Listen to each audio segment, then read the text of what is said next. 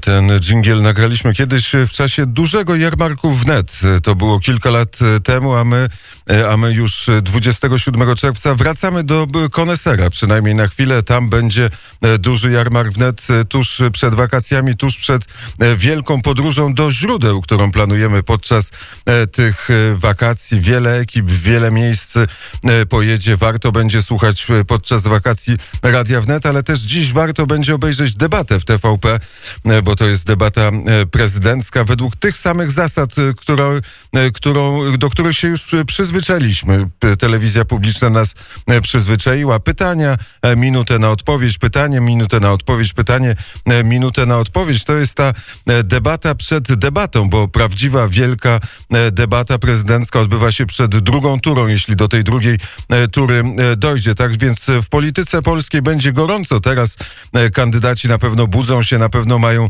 e, dzień, podczas którego przygotowują się do tego, żeby precyzyjnie odpowiedzieć na pytania e, podczas tej e, jednej minuty. Sytuacja klarowna. Co najmniej dziewięciu kandydatów będzie przeciwko prezydentowi Andrzejowi Dudzie. Prezydent Andrzej Duda będzie musiał dać odpór wszystkim swoim konkurentom. To w Polsce, natomiast w, w Brukseli, w Parlamencie Europejskim ważne debaty, debaty między innymi na temat Brexitu, ale też e, planowany szczyt Unii Europejskiej e, dotyczący tych wielkich pieniędzy, która Unia Europejska chce przeznaczyć na ratowanie europejskiej gospodarki. Przy telefonie Ryszard e, Czarnecki, europoseł, polityk Prawa i Sprawiedliwości, przewodniczący grupy Unia Europejska Turcja. Dzień dobry panu. Witam panie redaktorze, witam państwa. Ukłony z Brukseli właśnie. E, Bruksela e, się kłania, od razu się robi e, cieplej na, na sercu, ale kłania się komu? Kłania się, no ja się kłaniam moim rodakom, bo ja jestem polskim politykiem i Polska jest najważniejsza.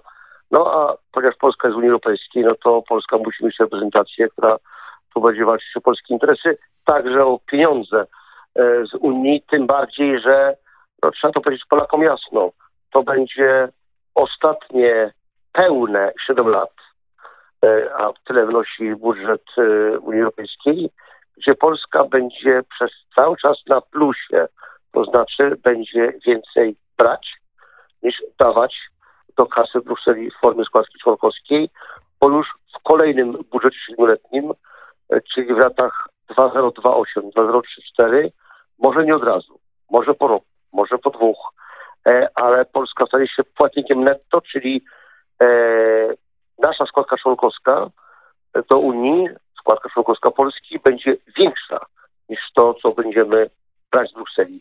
E, więc no, tym bardziej trzeba walczyć o to, żeby te pieniądze dla Polski na te najbliższe 7 lat były jak największe, bo to, no, jestem zaśpiewać to ostatnia niedziela, ale ostatni raz, kiedy e, będziemy na plusie przez pełne 7 lat.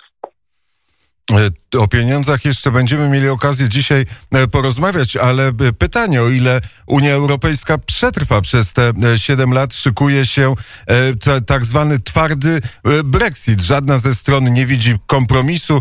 Było oświadczenie ostatnio premiera Wielkiej Brytanii. Wychodzimy w terminie przewidzianym, nie zamierzamy przedłużać negocjacji z Unią Europejską. Co to oznacza? O tym w w Brukseli mówiło się po cichu już od kilku tygodni, e, że rzeczywiście szykuje się twardy Brexit i to się materializuje. To oświadczenie premiera i królewskiej mości profesora Johnsona to nie jest e, element gry negocjacyjnej. E, rzeczywiście negocjacje między Londynem a Brukselą idą źle. E, co to oznacza? To oznacza w wymiarze ekonomicznym, że e, Wielka Brytania staje się państwem trzecim wobec Unii i będą ją obowiązywać te same zasady, co inne państwa trzecie, e, a nie, jak myślano, szereg specjalnych porozumień handlowych, biznesowych, finansowych, które by czyniły z Wielkiej Brytanii, no takie kraje jak Szwajcaria, Norwegia, e, które są na specjalnych zasadach, które no, nie są częścią e, Unii Europejskiej ale w wymiarze ekonomicznym można powiedzieć, że w pewnym sensie są na podobnych zasadach co inne kraje członkowskie Unii. Nie w 100%, ale w dużej mierze. Tego nie będzie. No, to będzie oczywiście oznaczało komplikacje z handlu z Wielką Brytanią. To jest też wiadomość pewnie niezbyt dobra dla polskich eksporterów, a uwaga, Polska ma z Wielką Brytanią jako jedynym, jako z jedynym z większych krajów Unii Europejskiej dodatni bilans handlowy, to dzięki temu, że my na potęgę eksportujemy tam żywność, wiele wyrobów, tam olbrzymia półtora milionowa mniejszość polska, największa mniejszość narodowa Wielkiej Brytanii, to Polacy. Rzeczywiście bardzo dużo kupuje polskich towarów. No i pytanie, na jakich będzie zasadach, jakieś tam ograniczenia mogą być. Także dotyczy kwestii przesłania emerytur do Wielkiej Brytanii i do Polski. W przypadku obywateli polskich tam, brytyjskich tutaj, to dotyczy kwestii ubezpieczeń, choćby samochodów, jak ktoś będzie Wielkiej Brytanii. To są różne takie rzeczy przyziemne, ale ważne, ale uwaga, także wpływ tego twardego Brexitu charakter polityczny, to znaczy e, myślę, przewiduję, że e, ten twardy Brexit, e, gdy okaże się, że Wielka Brytania potrafi przeżyć, to pewnie nie najgorzej jednak w sensie gospodarczym, e, e, przeżyje rozwód z Unią Europejską, e, to część, zwłaszcza bogatszych krajów Unii Europejskiej, można, można się zastanawiać, to zaraz, zaraz. My tutaj utrzymujemy tę Unię, ponosimy wielkie koszty. To mogło na przykład mówić kraje z klubu skąpców.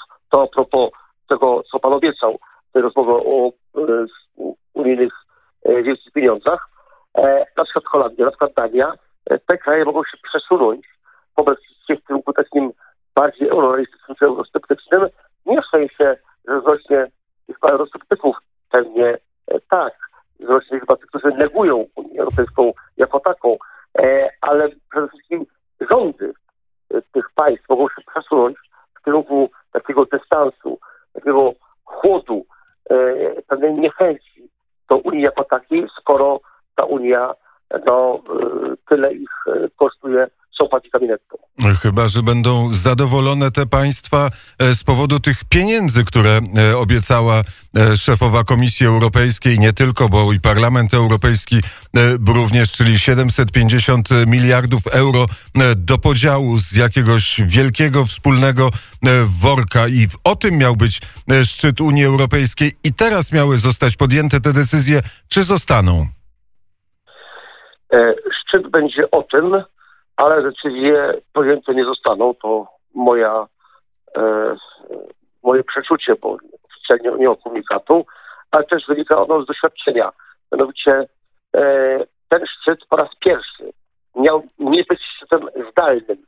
Miała być fizyczna obecność szefów państw, szefów rządów tych 27 krajów członkowskich Unii. No, e, okazało się, że szczyt będzie zdalny, nie dlatego, że się gwałtownie pogorszyły warunki bezpieczeństwa w związku z COVID-19, ale dlatego, że już wiadomo, do tego porozumienia finansowego nie dojdzie. Szczyt taki normalny, tradycyjny, gdzie przywódcy spotykają się, to jest okazja do dziesiątek czy, czy setek spotkań kuluarowych w formacie bilateralnym, dwustronnym, w formacie regionalnym. To jest moment zawierania koalicji ocierania kompromisu dealu finansowego. Tego nie będzie. Będą monologi z poszczególnych stolic Warszawy, Madrytu, Berlina i tak dalej. 27 szefów rządów czy państw. I no, oczywiście szefa komisji, szefa Rady Europejskiej, szefa Europarlamentu. Natomiast no, poza tymi monologami to pewnie będzie jedna konkluzja. To znaczy będzie uzgodniona data następnego szczytu. Nie sądzę, żeby był uzgodniony, uzgodnione to porozumienie tych krajów odnośnie podziału tych pieniędzy. Przy czym no, oficjalnie wiemy o czterech państwach z klubu skąpców, który się określa, czyli Szwecja, Dania, Holandia Austria, ale już wiadomo, że kilka już niezadowolonych, także, panie doktorze, także z naszej części Europy, także z regionu, także z Wyszehradzkiej, Węgry są wściekłe, że to, co jest y, dla nich na stole, jest dwa razy mniejsze niż to, co ma utrzymać Portugalia, kraj o absolutnie porównywalnej e, wielkości. E, Węgry to jest niesporo 10 milionów ludzi, Portugalia 10 milionów 800 tysięcy. E, e, Orban jest wściekły i zapowiada, że e, tutaj ona proszę nie zgodzi. No i trudno mu się dziwić. E, więc te negocjacje finansowe pewnie jeszcze kilkanaście dni, a może kilka tygodni potrwają. Chociaż to są demoka- de, de, negocjacje dotyczące e, istoty, bo to są po raz pierwszy pieniądze e, Unii Europejskiej e, wypuszcze, wypuszczone, znaczy wprowadzone na rynek na podstawie europejskich obligacji. E, tak, i tutaj można powiedzieć, pies jest pogrzebany w szczegółach, bo kraje, o których mówię, te kraje bogatsze, no nie wszystkie, bo Niemcy, Francja są akuszerami, architektami tego, tej propozycji, e, to zostało też taka charakterystyczna rzecz ogłoszone najpierw e, przez, jak mówią złośliwi, biuro polityczne Unii Europejskiej, czyli przez prezydenta Macrona i kanclerz Merkel, a dopiero tydzień potem e, ogłosiła to kanclerz, przepraszam, pani przewodnicząca Komisji Europejskiej von der Leyen, nawet dodając aż 10 miliardów do tej propozycji, o połowę zwiększyła. Mm, natomiast tutaj kraje, kraje bogatsze, typu, jak powiedziałem, e, kraje skandynawskie, e, Holandia, Austria, mówią, no zaraz, zaraz, e, jest ten fundusz odbudowy, Recovery Fund, trwa dwa lata, a nie nieskończoność. Niech to będą wyłącznie, wyłącznie pożyczki, a nie środki bezrobotne. No, tymczasem więcej z tych środków które są przewidywane w tym projekcie, to są środki, takie granty, dotacje, środki bezrobotne, których nie trzeba będzie zwracać. A co do pożyczek, to do pożyczki nisko prezentowane, jak Unia Europejska dysponuje bardzo dobrym ratingiem, może pożyczyć pieniądze na bardzo niski procent i potem je przekazać niejako państwo członkowskie. Polska na razie e, jest e, w świetnej sytuacji. Polska osiągnęła bardzo wiele, wygrała kluczową, decydującą bitwę w tej wojnie, bo to, bo to jest wojna o pieniądze. Mm, e, Polska jest e, wśród e, trzech krajów, które są największymi beneficjentami. Popatrzcie konkretnie, na czwartym miejscu, gdy chodzi o środki bezrobotne, za Włochami, Hiszpanią i Francją. Na trzecim miejscu, gdy chodzi o pożyczki, a w sumie dodając te dwie, te dwa stany finansowe, na miejscu trzecim. Chodzi o utrzymanie tego miejsca na podium gdy chodzi o Fundusz Odbudowy. Pan został przewodniczącym grupy Unia Europejska-Turcja. E, niełatwa grupa, niełatwe negocjacje, niełatwa e, geopolityczna postawa e, Turcji, która wcale nie jest proeuropejska, która wcale nie jest proamerykańska, tylko jest proturecka. Że każdy kraj w XXI wieku, tak jak w wieku XX-XIX, dba o własne interesy. Dzięki się Turkom, że definiują je na własny sposób. Mnie jako Polaka, ale także jako Europejczyka, e, powiem wprost, e, interesuje e, taki no, problem absolutnie fundamentalny. To jest kwestia milionów, tak, milionów imigrantów, uchodźców z Iraku i Syrii, którzy są w Turcji. Jeżeli Turcja ich wypuści do Europy, tutaj będziemy mieć no, imigracyjne piekło, i to także może odbić się na moim kraju, a moim psim obowiązkiem jest przede wszystkim dbać w interes e, mojego kraju. E, tego się obawiam. W związku z tym uważam, że nie należy wchodzić w rolę e, profesora, e, który poucza Turków, jak mają żyć, czy w rolę sędziego, czy prokuratora, tylko z Turcją negocjować, rozmawiać, e, obniżać napięcie w relacjach między nami. Cieszę się, nie ukrywam, do odwołania e, wizyty ministra Ławrowa i ministra Szojgu, czyli przedstawicieli Putina e, w Ankarze. Miała ona nastąpić teraz, e, w tym tygodniu. Nie nastąpiła, chociaż została odwołana z dnia na dzień. Nie podobało mi się zbliżenie Turcji, Turcji z, Rosją, chociaż to też trochę wina Unii Europejskiej, która, przypomnę, porozumiała się z Turcją odnośnie wpłaty 6 miliardów euro. Właśnie, co by tych uchodźców nie było, co by Turcja nie wpuszczała.